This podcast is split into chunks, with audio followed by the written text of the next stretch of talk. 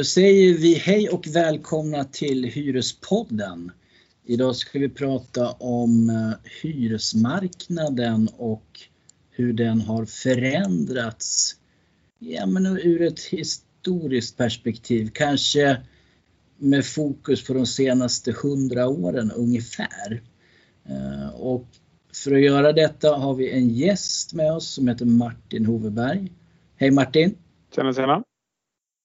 Vem är du? Jag eh, är Martin Hoveberg, jag är eh, chefsekonom på Hyresgästföreningens riksförbund. Så jag sitter i Stockholm och jag är en talesperson helt enkelt i ekonomisk politiska frågor. Och så Eh, leder jag en grupp utredare som tar fram rapporter på det bostadspolitiska temat i områden där vi vill påverka och vara extra synliga. Ja. Och så har vi Josefin. Hej Josefin! Hallå Christian! Hallå Martin! Tjena, du, du är taggad med svåra, svåra penetrerande frågor Josefin, eller hur? Ja, väldigt penetrerande frågor. Ja, ja men det ska bli kul. Det är ju ja. någonting som är väldigt intressant. Vi har väl inte haft något så historiskt perspektiv i några tidigare avsnitt? Nej, eller? jag tror, inte. Jag tror Nej. faktiskt inte. Så att eh, det här blir en liten historielektion. Ja. Jag, tänkte, jag tänkte vi får ju börja, för att kunna göra den här återblicken så tänkte jag att vi börjar med att kanske beskriva lite hur, hyresmarknaden ser ut idag. Vad, vad är det för typ av hyresmarknad och eh, hur regleras den? Alltså hyressättningsmodellen, hur ser den ut? Skulle du kunna börja lite med att berätta om det Martin? Ja men absolut. Mm. Till att börja med då så eh, en sak som är viktig när man pratar om, om det här det är att veta att vi i Sverige har en sammanhållen hyresmarknad och det är närmast unikt i en internationell jämförelse. Tittar vi runt om i Europa så har man en marknad som är offentligägd, socialbostäder oftast. Eh, och så har man en privat hyresmarknad och den är, rel, den är, den är då mer oreglerad inom citattecken. Eh, det där kan variera mellan olika länder men eh, i huvudsak så är den då mer av marknadshyressättning kan man säga mm. och mindre besittningsskydd. Och så har man då en, en, offentligt reglerad marknad som är väldigt reglerad istället då, och subventionerad oftast. Och i Sverige har vi valt en annan väg. Där har vi ju en och samma hyreslag oavsett vem som är ägare. Eh, det är samma besittningsskydd, det är samma hyressättningsmodell oavsett ägare. Så att allmännyttiga, som vi kallar det i Sverige då, eh, offentligägda och privata, de är på samma marknad och de tävlar så att säga om samma kundsegment. Det är inte ett segment för det ena och ett segment för det andra. Mm. Och då har vi en, en hyressättningsmodell som också är unik för Sverige en förhandlingsmodell, en kollektiv förhandlingsmodell.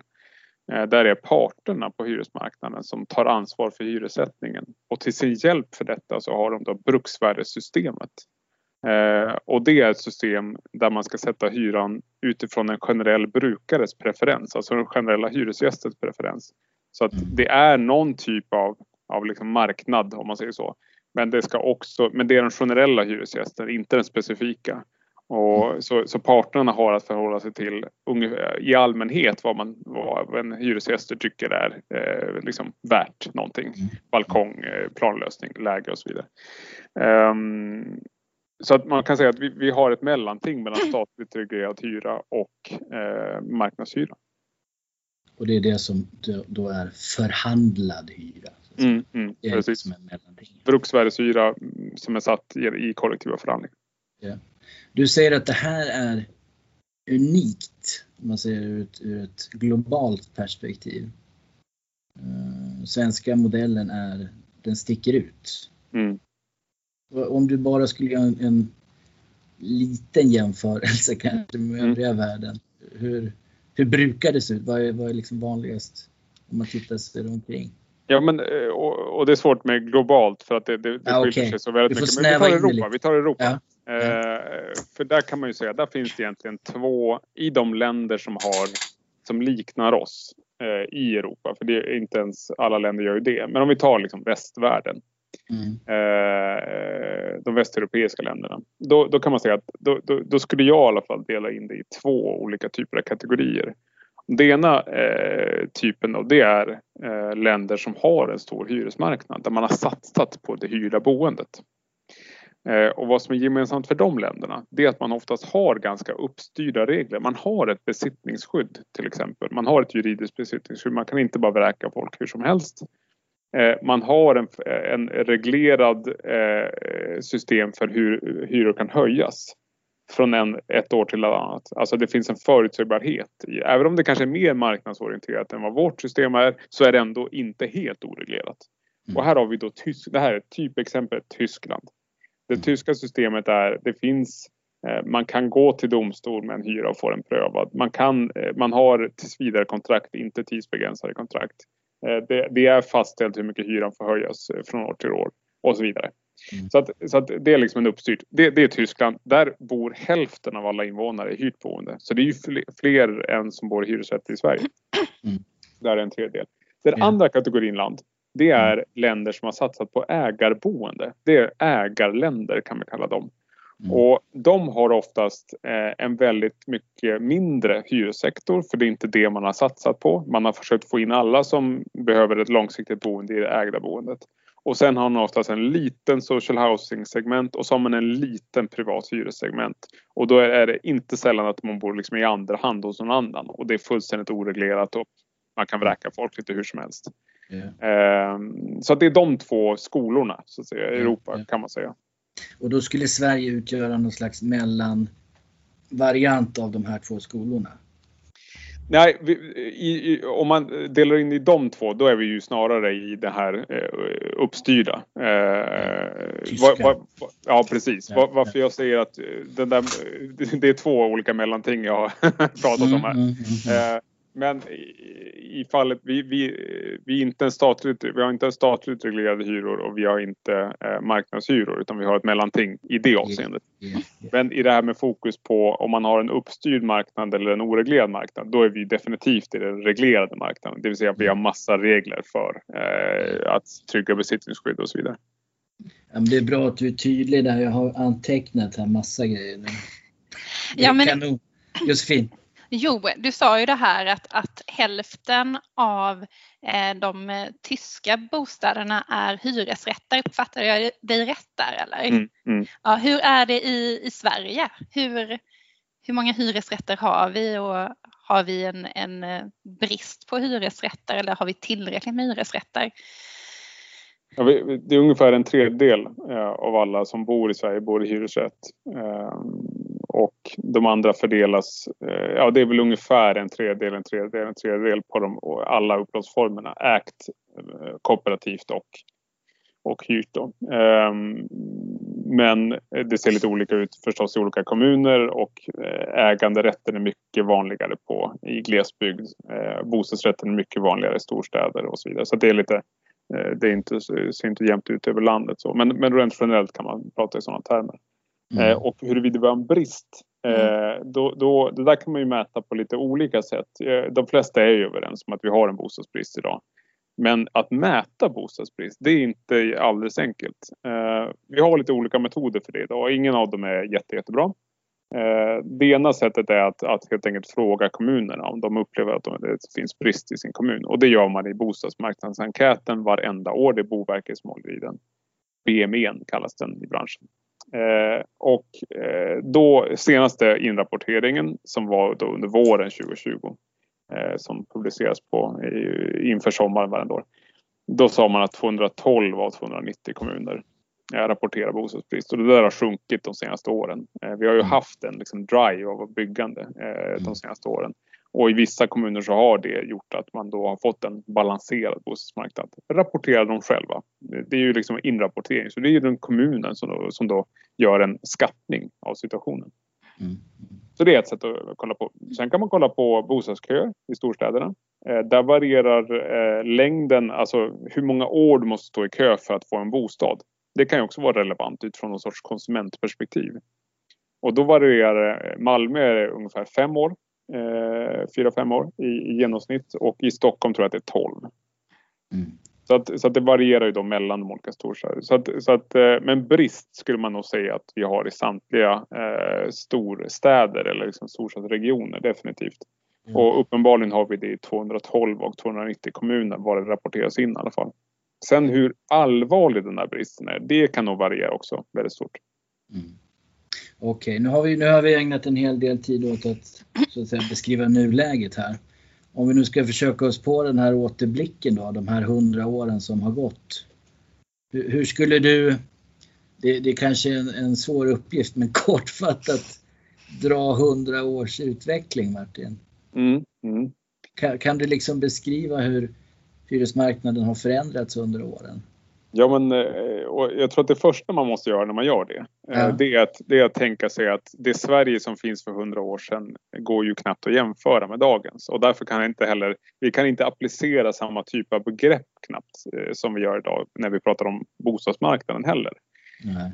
För att idag, om jag säger så här, de allra, allra flesta bodde hos privata värdar.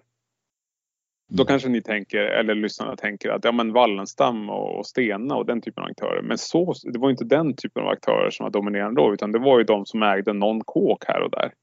Mm. Eh, och man hade kanske en ganska, det var en ganska nära relation med hyresvärden. Det var liksom, det är den där eh, snubben i höghatt eller cylinderhatt som kommer och knackar på dörren och ska ha hyran. Liksom. Alltså, det är ju mm. någonting helt annat.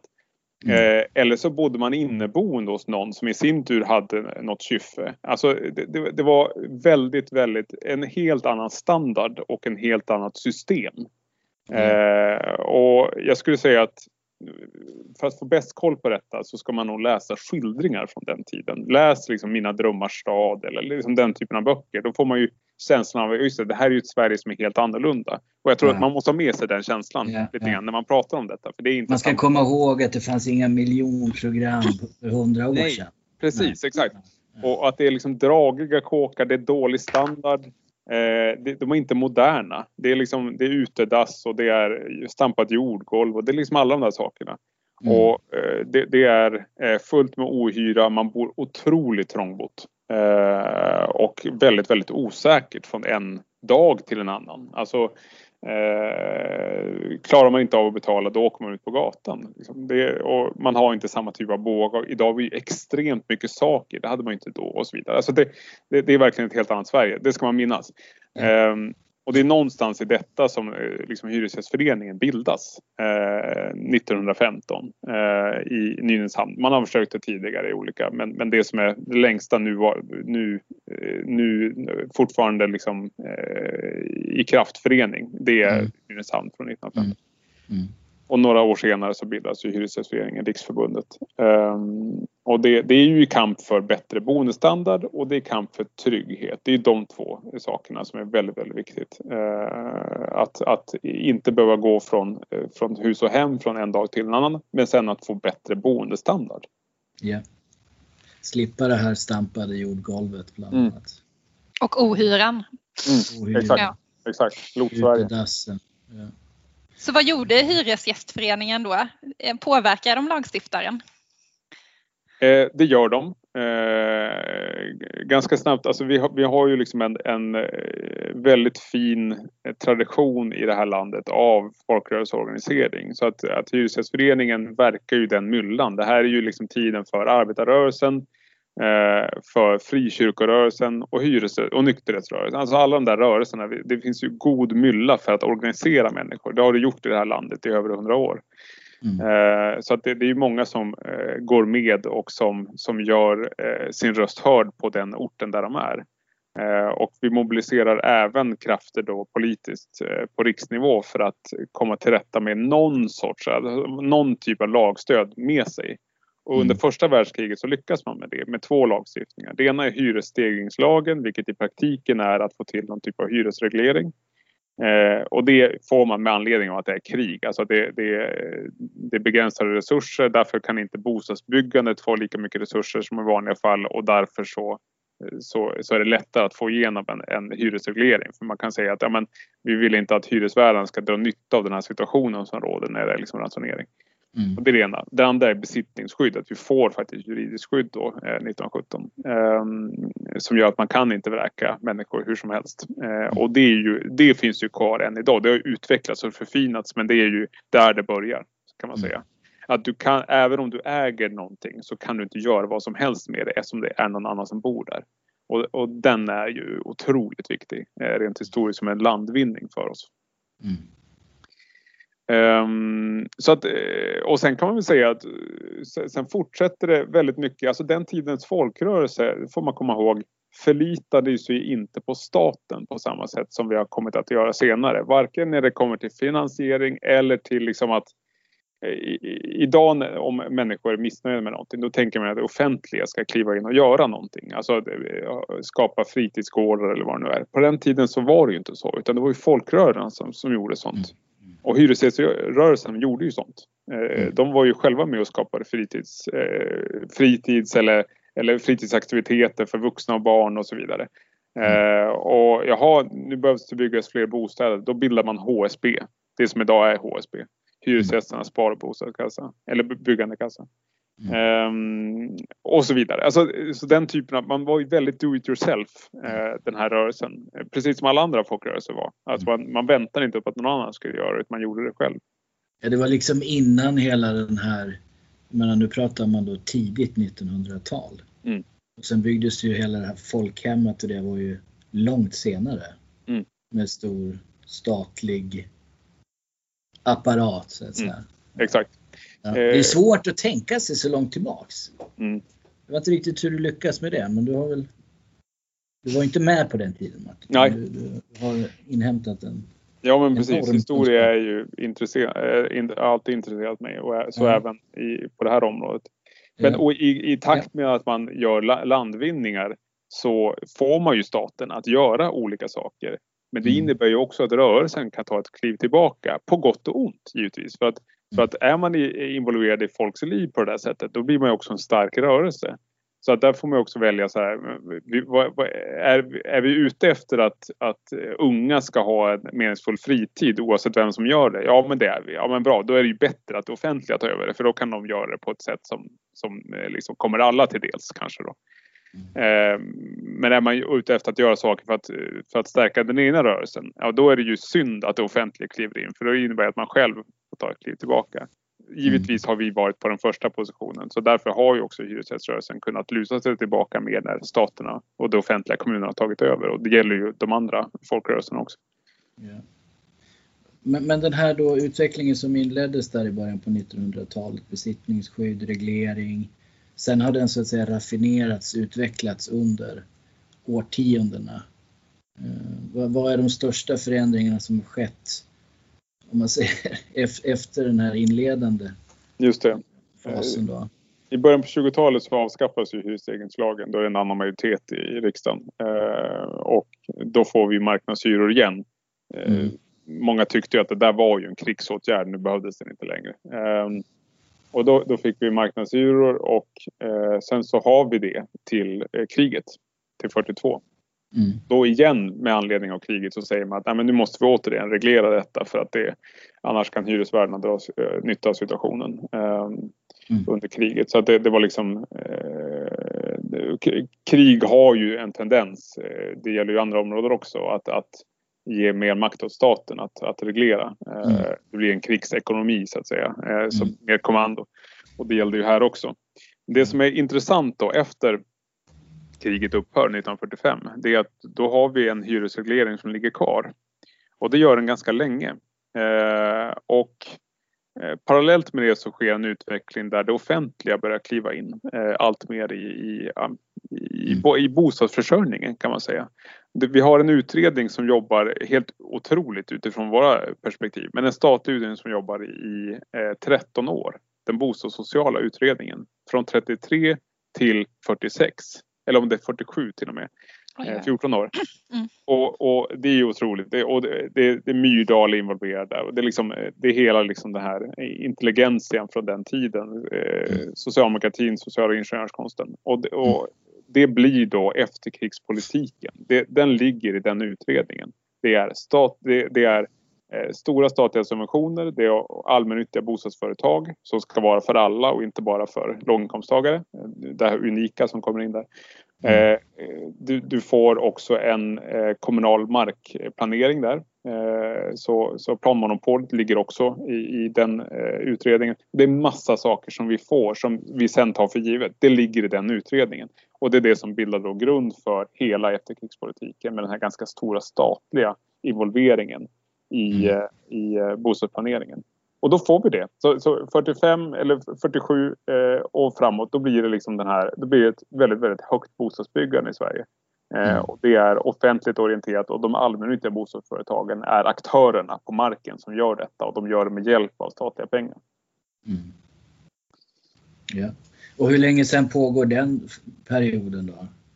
Ja, eh, väldigt länge får man ju säga. Ja. Alltså, men ja. till och från. Det ser väldigt olika ut. Eh, under den här perioden så förändrar man de här subventionerna hela tiden för att man, man det uppstår avarter, man får komma på nya sätt och, så blir det, det, det, följer också konjunkturerna lite grann så att man får eh, det, det, är inte ett rakt, streck kan man inte säga från 47 till 91 eh, när allt det här då eh, förändras.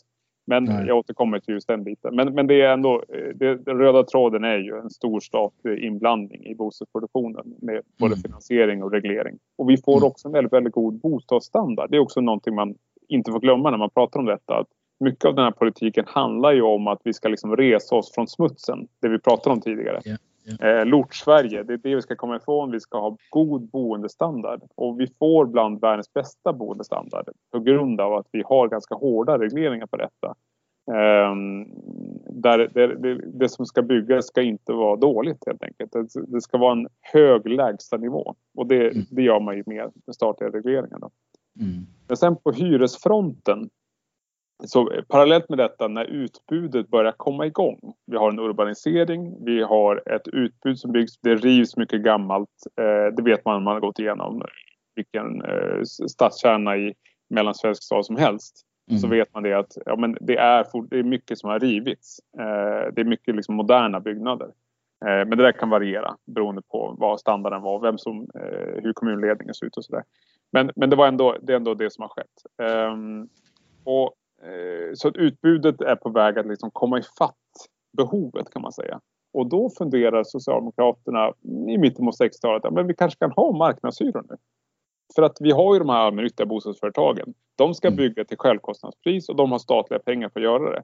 Mm. Vi kanske inte behöver reglera hyrorna längre. Vi kan mm. åtminstone ta bort den här statliga hyresregleringen.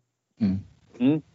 Det, och då är den på väg att införa marknadshyra. Men då vill dagens, gårdagens Folkpartiet, nuvarande Liberalerna, de säger nej men vänta nu här, vi kan inte göra detta. Detta kommer få, även om utbudet börjar komma ikapp, det här kommer att få konsekvenser. Vi kan inte, det här kan vi inte tolerera.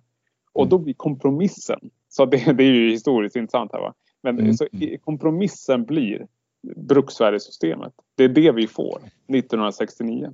Så mm. är det eh, alltså gamla Folkpartiet som vi har det att tacka för? Ja, ja, Okej. Ja, ja. Mm. Eh, som inte ville ha liksom, en renodlad marknadssystem. Eh, och eh, ja, det är mycket intressant eh, historisk mm. detalj. Det var nytt. Ja, ja. spännande. Mm. Och, och, det man kan säga då, 1969 eller 68 där kring, det blir en allmän avreglering. För det som sker samtidigt, det är att prisregleringen på eh, ägt boende försvinner.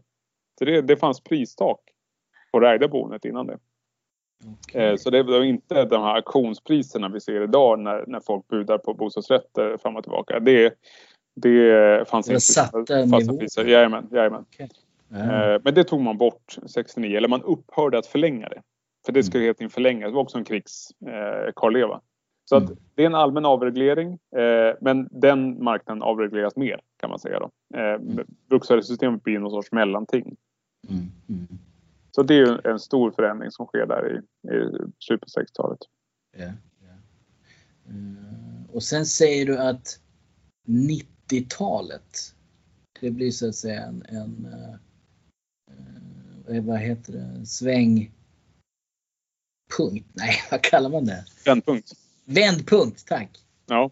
Då händer eh, någonting. Berätta. Det, det gör jag verkligen. Jag ska kort nämna bara att ja, parallellt med allt detta så har vi då utvecklingen för Hyresgästföreningen och Hyresgästföreningens roll i samhället.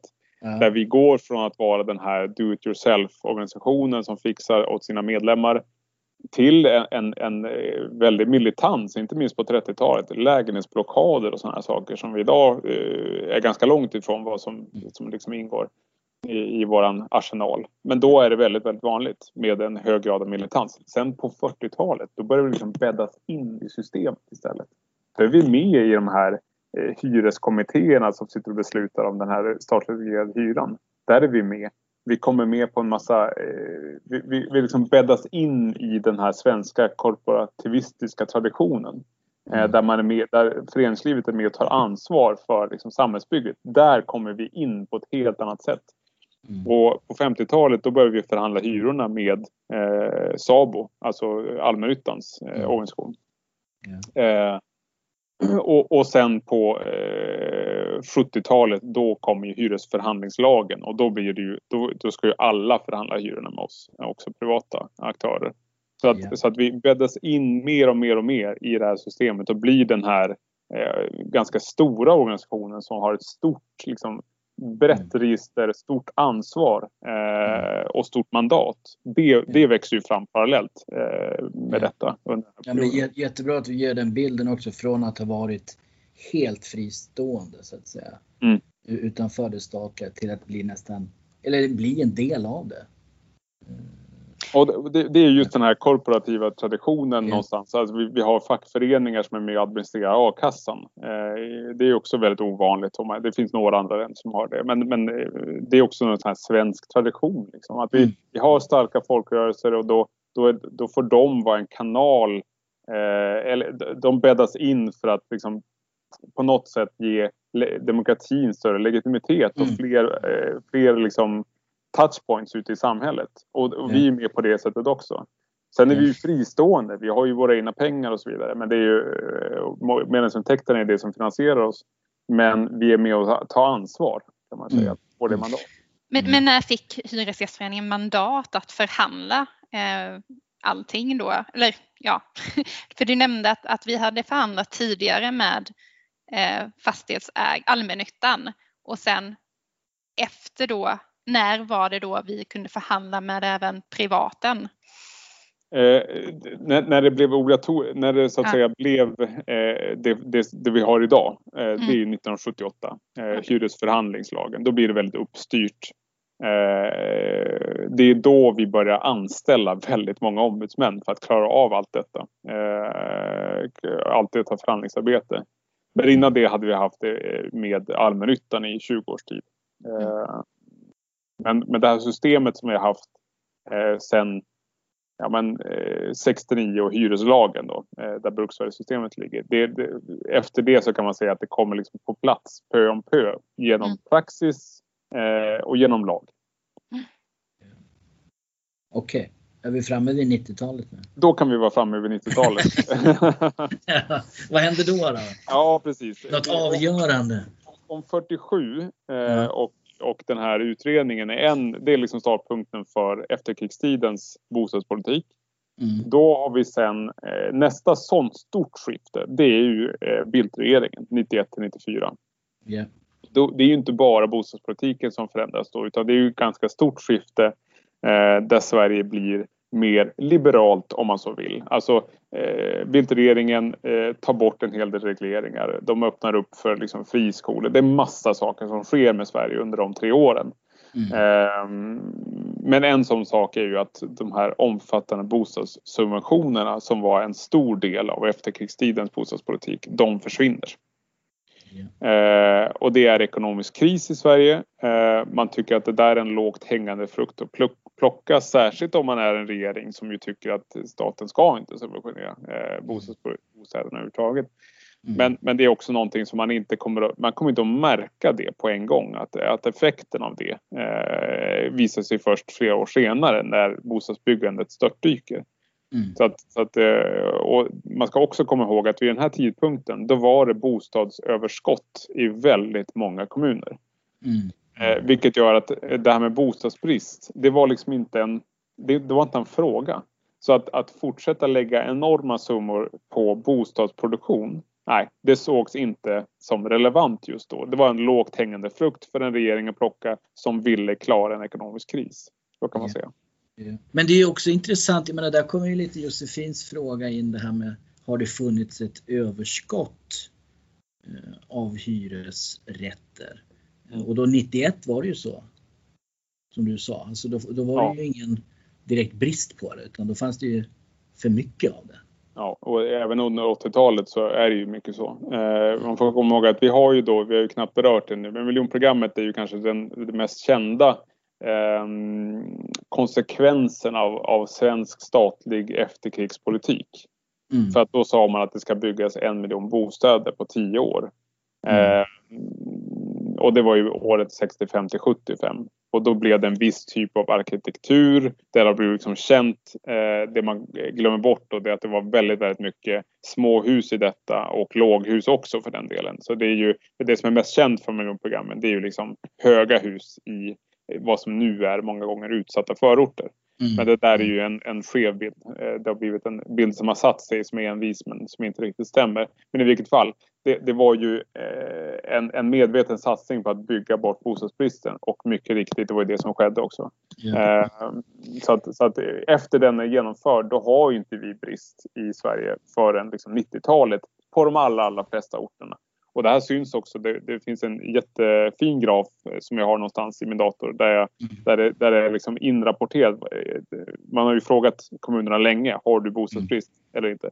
Och mm. då, då, ser man det, det är överskott på väldigt många eh, kommuner där under 80-talet. Mm. Mm. Eh, så, det, så det är svaret på den frågan. Ja, yeah. vi har definitivt haft överskott. Yeah. Så vi har alltså haft ett överskott egentligen från kanske då 1975 till mitten av 90-talet då? Mm, eh, om vi ska hårdra det. Sen ja. så finns det kommuner som är undantag och så vidare mm. förstås. Okej. Okay.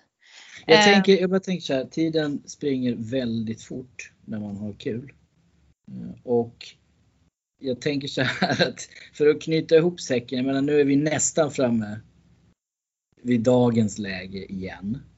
Eh, jag, jag tänker om, om, om du skulle ge liksom en, en bedömning av dagens läge. Vad skulle behöva, det har ju förändrats har vi förstått nu på oerhört många sätt under de här hundra åren. Eh, är vi nöjda med dagens hyresmarknad eller vad vill vi, hur vill vi komma härifrån och framåt? Ja, vi, vi, är absolut inte nöjda. Alltså, vi lever ju fortfarande med konsekvenserna av de där besluten som fattades på 90-talet när vi hade en stor stat eh, som hade, eh, var väldigt involverad i bostadsmarknaden som sen bara drog sig tillbaka. Eh, och som sen också då som sten på börda har gjort det mer gynnat med ägt framför hyrt och lite sådana saker. Så att mm. det finns ju någonting, det finns ju verkligen saker att göra för att få en bostadsmarknad i balans. Yeah. Men är det någonting som historien visar så är det ju att det är ju inte enkelt detta med att få balans heller. Du, får, du har ju oftast... Eh, det, det, du, du, kan inte finkalibrera utbudet på det sättet, det går inte. Mm. Eh, och man kan aldrig förutsäga vilka orter kommer att vara jättepopulära eh, tio år framåt. Eh, ta Stockholm som exempel. Mellan 1962 och 1995 har jag för mig så var det en sjunkande, så var det så, så 62 var en befolkningstopp. Sen var det färre människor varenda år fram till 95 i mm. Stockholm. Mm. Mm. Bara en sån sak. Alltså kunna mm. förutse den typen av flyttmönster. Och sen blev innerstan jättepopulär i Stockholm. Det var den inte 1975 och så vidare. Alltså det, mm. det, det är så mycket som är svårt att förutsäga hur människor kommer liksom att värdera ja, ja, ja. lägen, bostäder, kommuner och så vidare. Mm. Men med det sagt så, så, skulle vi behöva en större statlig inblandning eh, och det tycker vi på Hyresgästföreningen. Vi har föreslagit något som heter förmånliga bygglån. Där staten tar ett mer större ansvar för finansieringen. Det, man kan säga att det är ett utökat investeringsstöd. Men vi gör det till ett lån istället så att vi kan eh, bränna på mycket mer. Eh, för att ett investeringsstöd stöd, det ligger i statsbudgeten och det tar pengar från andra utgiftsområden. Ett lån skulle inte göra det. Och så kan man ha det till förmånlig ränta. Och sen så tycker vi att vi måste ställa mer krav på kommunerna att planera för fler bostäder. Idag har vi eh, kommuner som kan göra lite vad som helst och då blir det inte planerat heller i många kommuner. Och trots att det är bostadsbrist. Mm. och då hjälper inga subventioner i världen eh, om inte kommunerna planerar. Ehm, och sen vill vi ha en skattereform, rättvisa mellan hyrt och ägt. Eh, så att vi eh, driver investeringen. Ja, exakt. Ja. Så, att, så att vi, vi, vill ju få en marknad i balans. Vi tror ju mm. att det är det som ger konsumenten, hyresgästen, mest frihet. Mm. Det skulle också förhindra en massa dåliga saker. Förhindra massa stora prisstegringar. Det underlättar för rörlighet om det finns gott om bostäder. Folk kan flytta dit jobben finns. Mm. Eh, det blir inte samma problem som det är idag och det underlättar också från sociala bostadspolitiken. Om vi vill ha flera sociala kontrakt eller vi vill ha lägenheter som kan gå till eh, utsatta kvinnor eller vad det nu kan tänkas vara. Det underlättas av att det finns ett tillräckligt utbud. Många mm. gånger så hamnar man i en diskussion i samhället där det är så här, ja men vi måste, ha, vi måste bygga särskilda bostäder för dem. Nej, vi behöver bara se till att utbudet når eh, behovet. Då kommer mm. det att finnas bostäder för alla de behov vi, vi kan identifiera. Ja. Mycket bra, mycket bra sammanfattning där. Uh, hade du någon, uh, något på, på tungan Josefin? Jo, men jag tänkte lite kring uh, då hyran som hyresgäster betalar. Vill vi ha en förändring av hyressättningssystemet? Eh, nej, det, det, vill vi inte ha. Eh, vi vill ju fortsätta eh, ha förhandlingsmandatet över alla hyror. Eh, idag så finns det en utredning om marknadshyror i produktion. Den motsäger vi oss. Eh, vi vill att fortsätta behålla eh, det kollektiva förhandlingssystemet alldeles oavsett om det är nytt eller gammalt. Sen kan vi alltid göra saker bättre med detta. Alltså parterna kan alltid göra det bättre.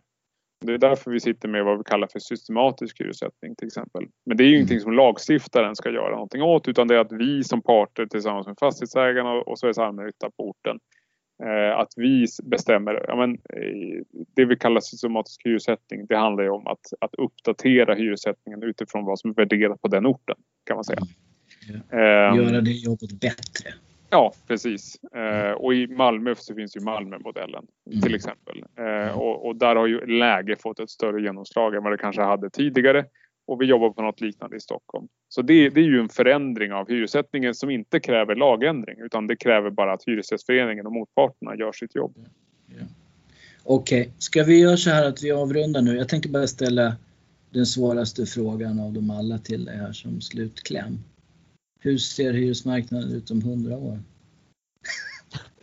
Um, om du skulle bara... 100 år ja. ja. 100 år, då är vi, vad är vi då? 22, nej, jo 22 någonting. 22, 21. Ja, det blir 21, 21, 21. ja, det blir, Hur går det? det, det jag, är bara en, jag är bara en simpel förhandlare. Ja, men jag, jag, tror att eh, det kommer att fortsätta. Jag, jag, kan ju hålla det på en väldigt allmän nivå. Det kommer fortsätta mm. finnas eh, behov av trygghet. Eh, mm. För att bostaden är fortfarande viktig för folk. Mm. Eh, det, så, att, så, att, lagar och regler som, som, bestäm, som se, sätter gränser för någon sorts godtycke. Det kommer att behövas i det här läget. Mm. Eh, det kommer att finnas olika typer av upplåtelseformer. Alla kommer inte att äga, alla kommer inte att hyra. Det kommer att finnas en blandning. Eh, mm. mellan olika typer av sätt att bo. Eh, och då kommer det... Ja. ja, det tror jag. Det tror jag. Eh, för att eh, det, det, fina med det där är att det, vi har olika typer av behov och de tillgodoses eh, av olika upplåtelseformer på en marknad. Eh, så att det, det, tror jag kommer finnas och särskilt för den hyrda sektorn så kommer det att behövas regler för vad man får göra och inte gentemot sin hyresgäst. Yeah. Ja, men jättebra. Stort tack Martin för detta. Ja, tack, vi har, vi har blivit otroligt mycket visare, eller hur? Ja, ja, ja. ja, tack för det. Kul att vara med. Ja, tack. Vi säger tack. tack också till er som har lyssnat. Ha det bra. Hej, hej. hej.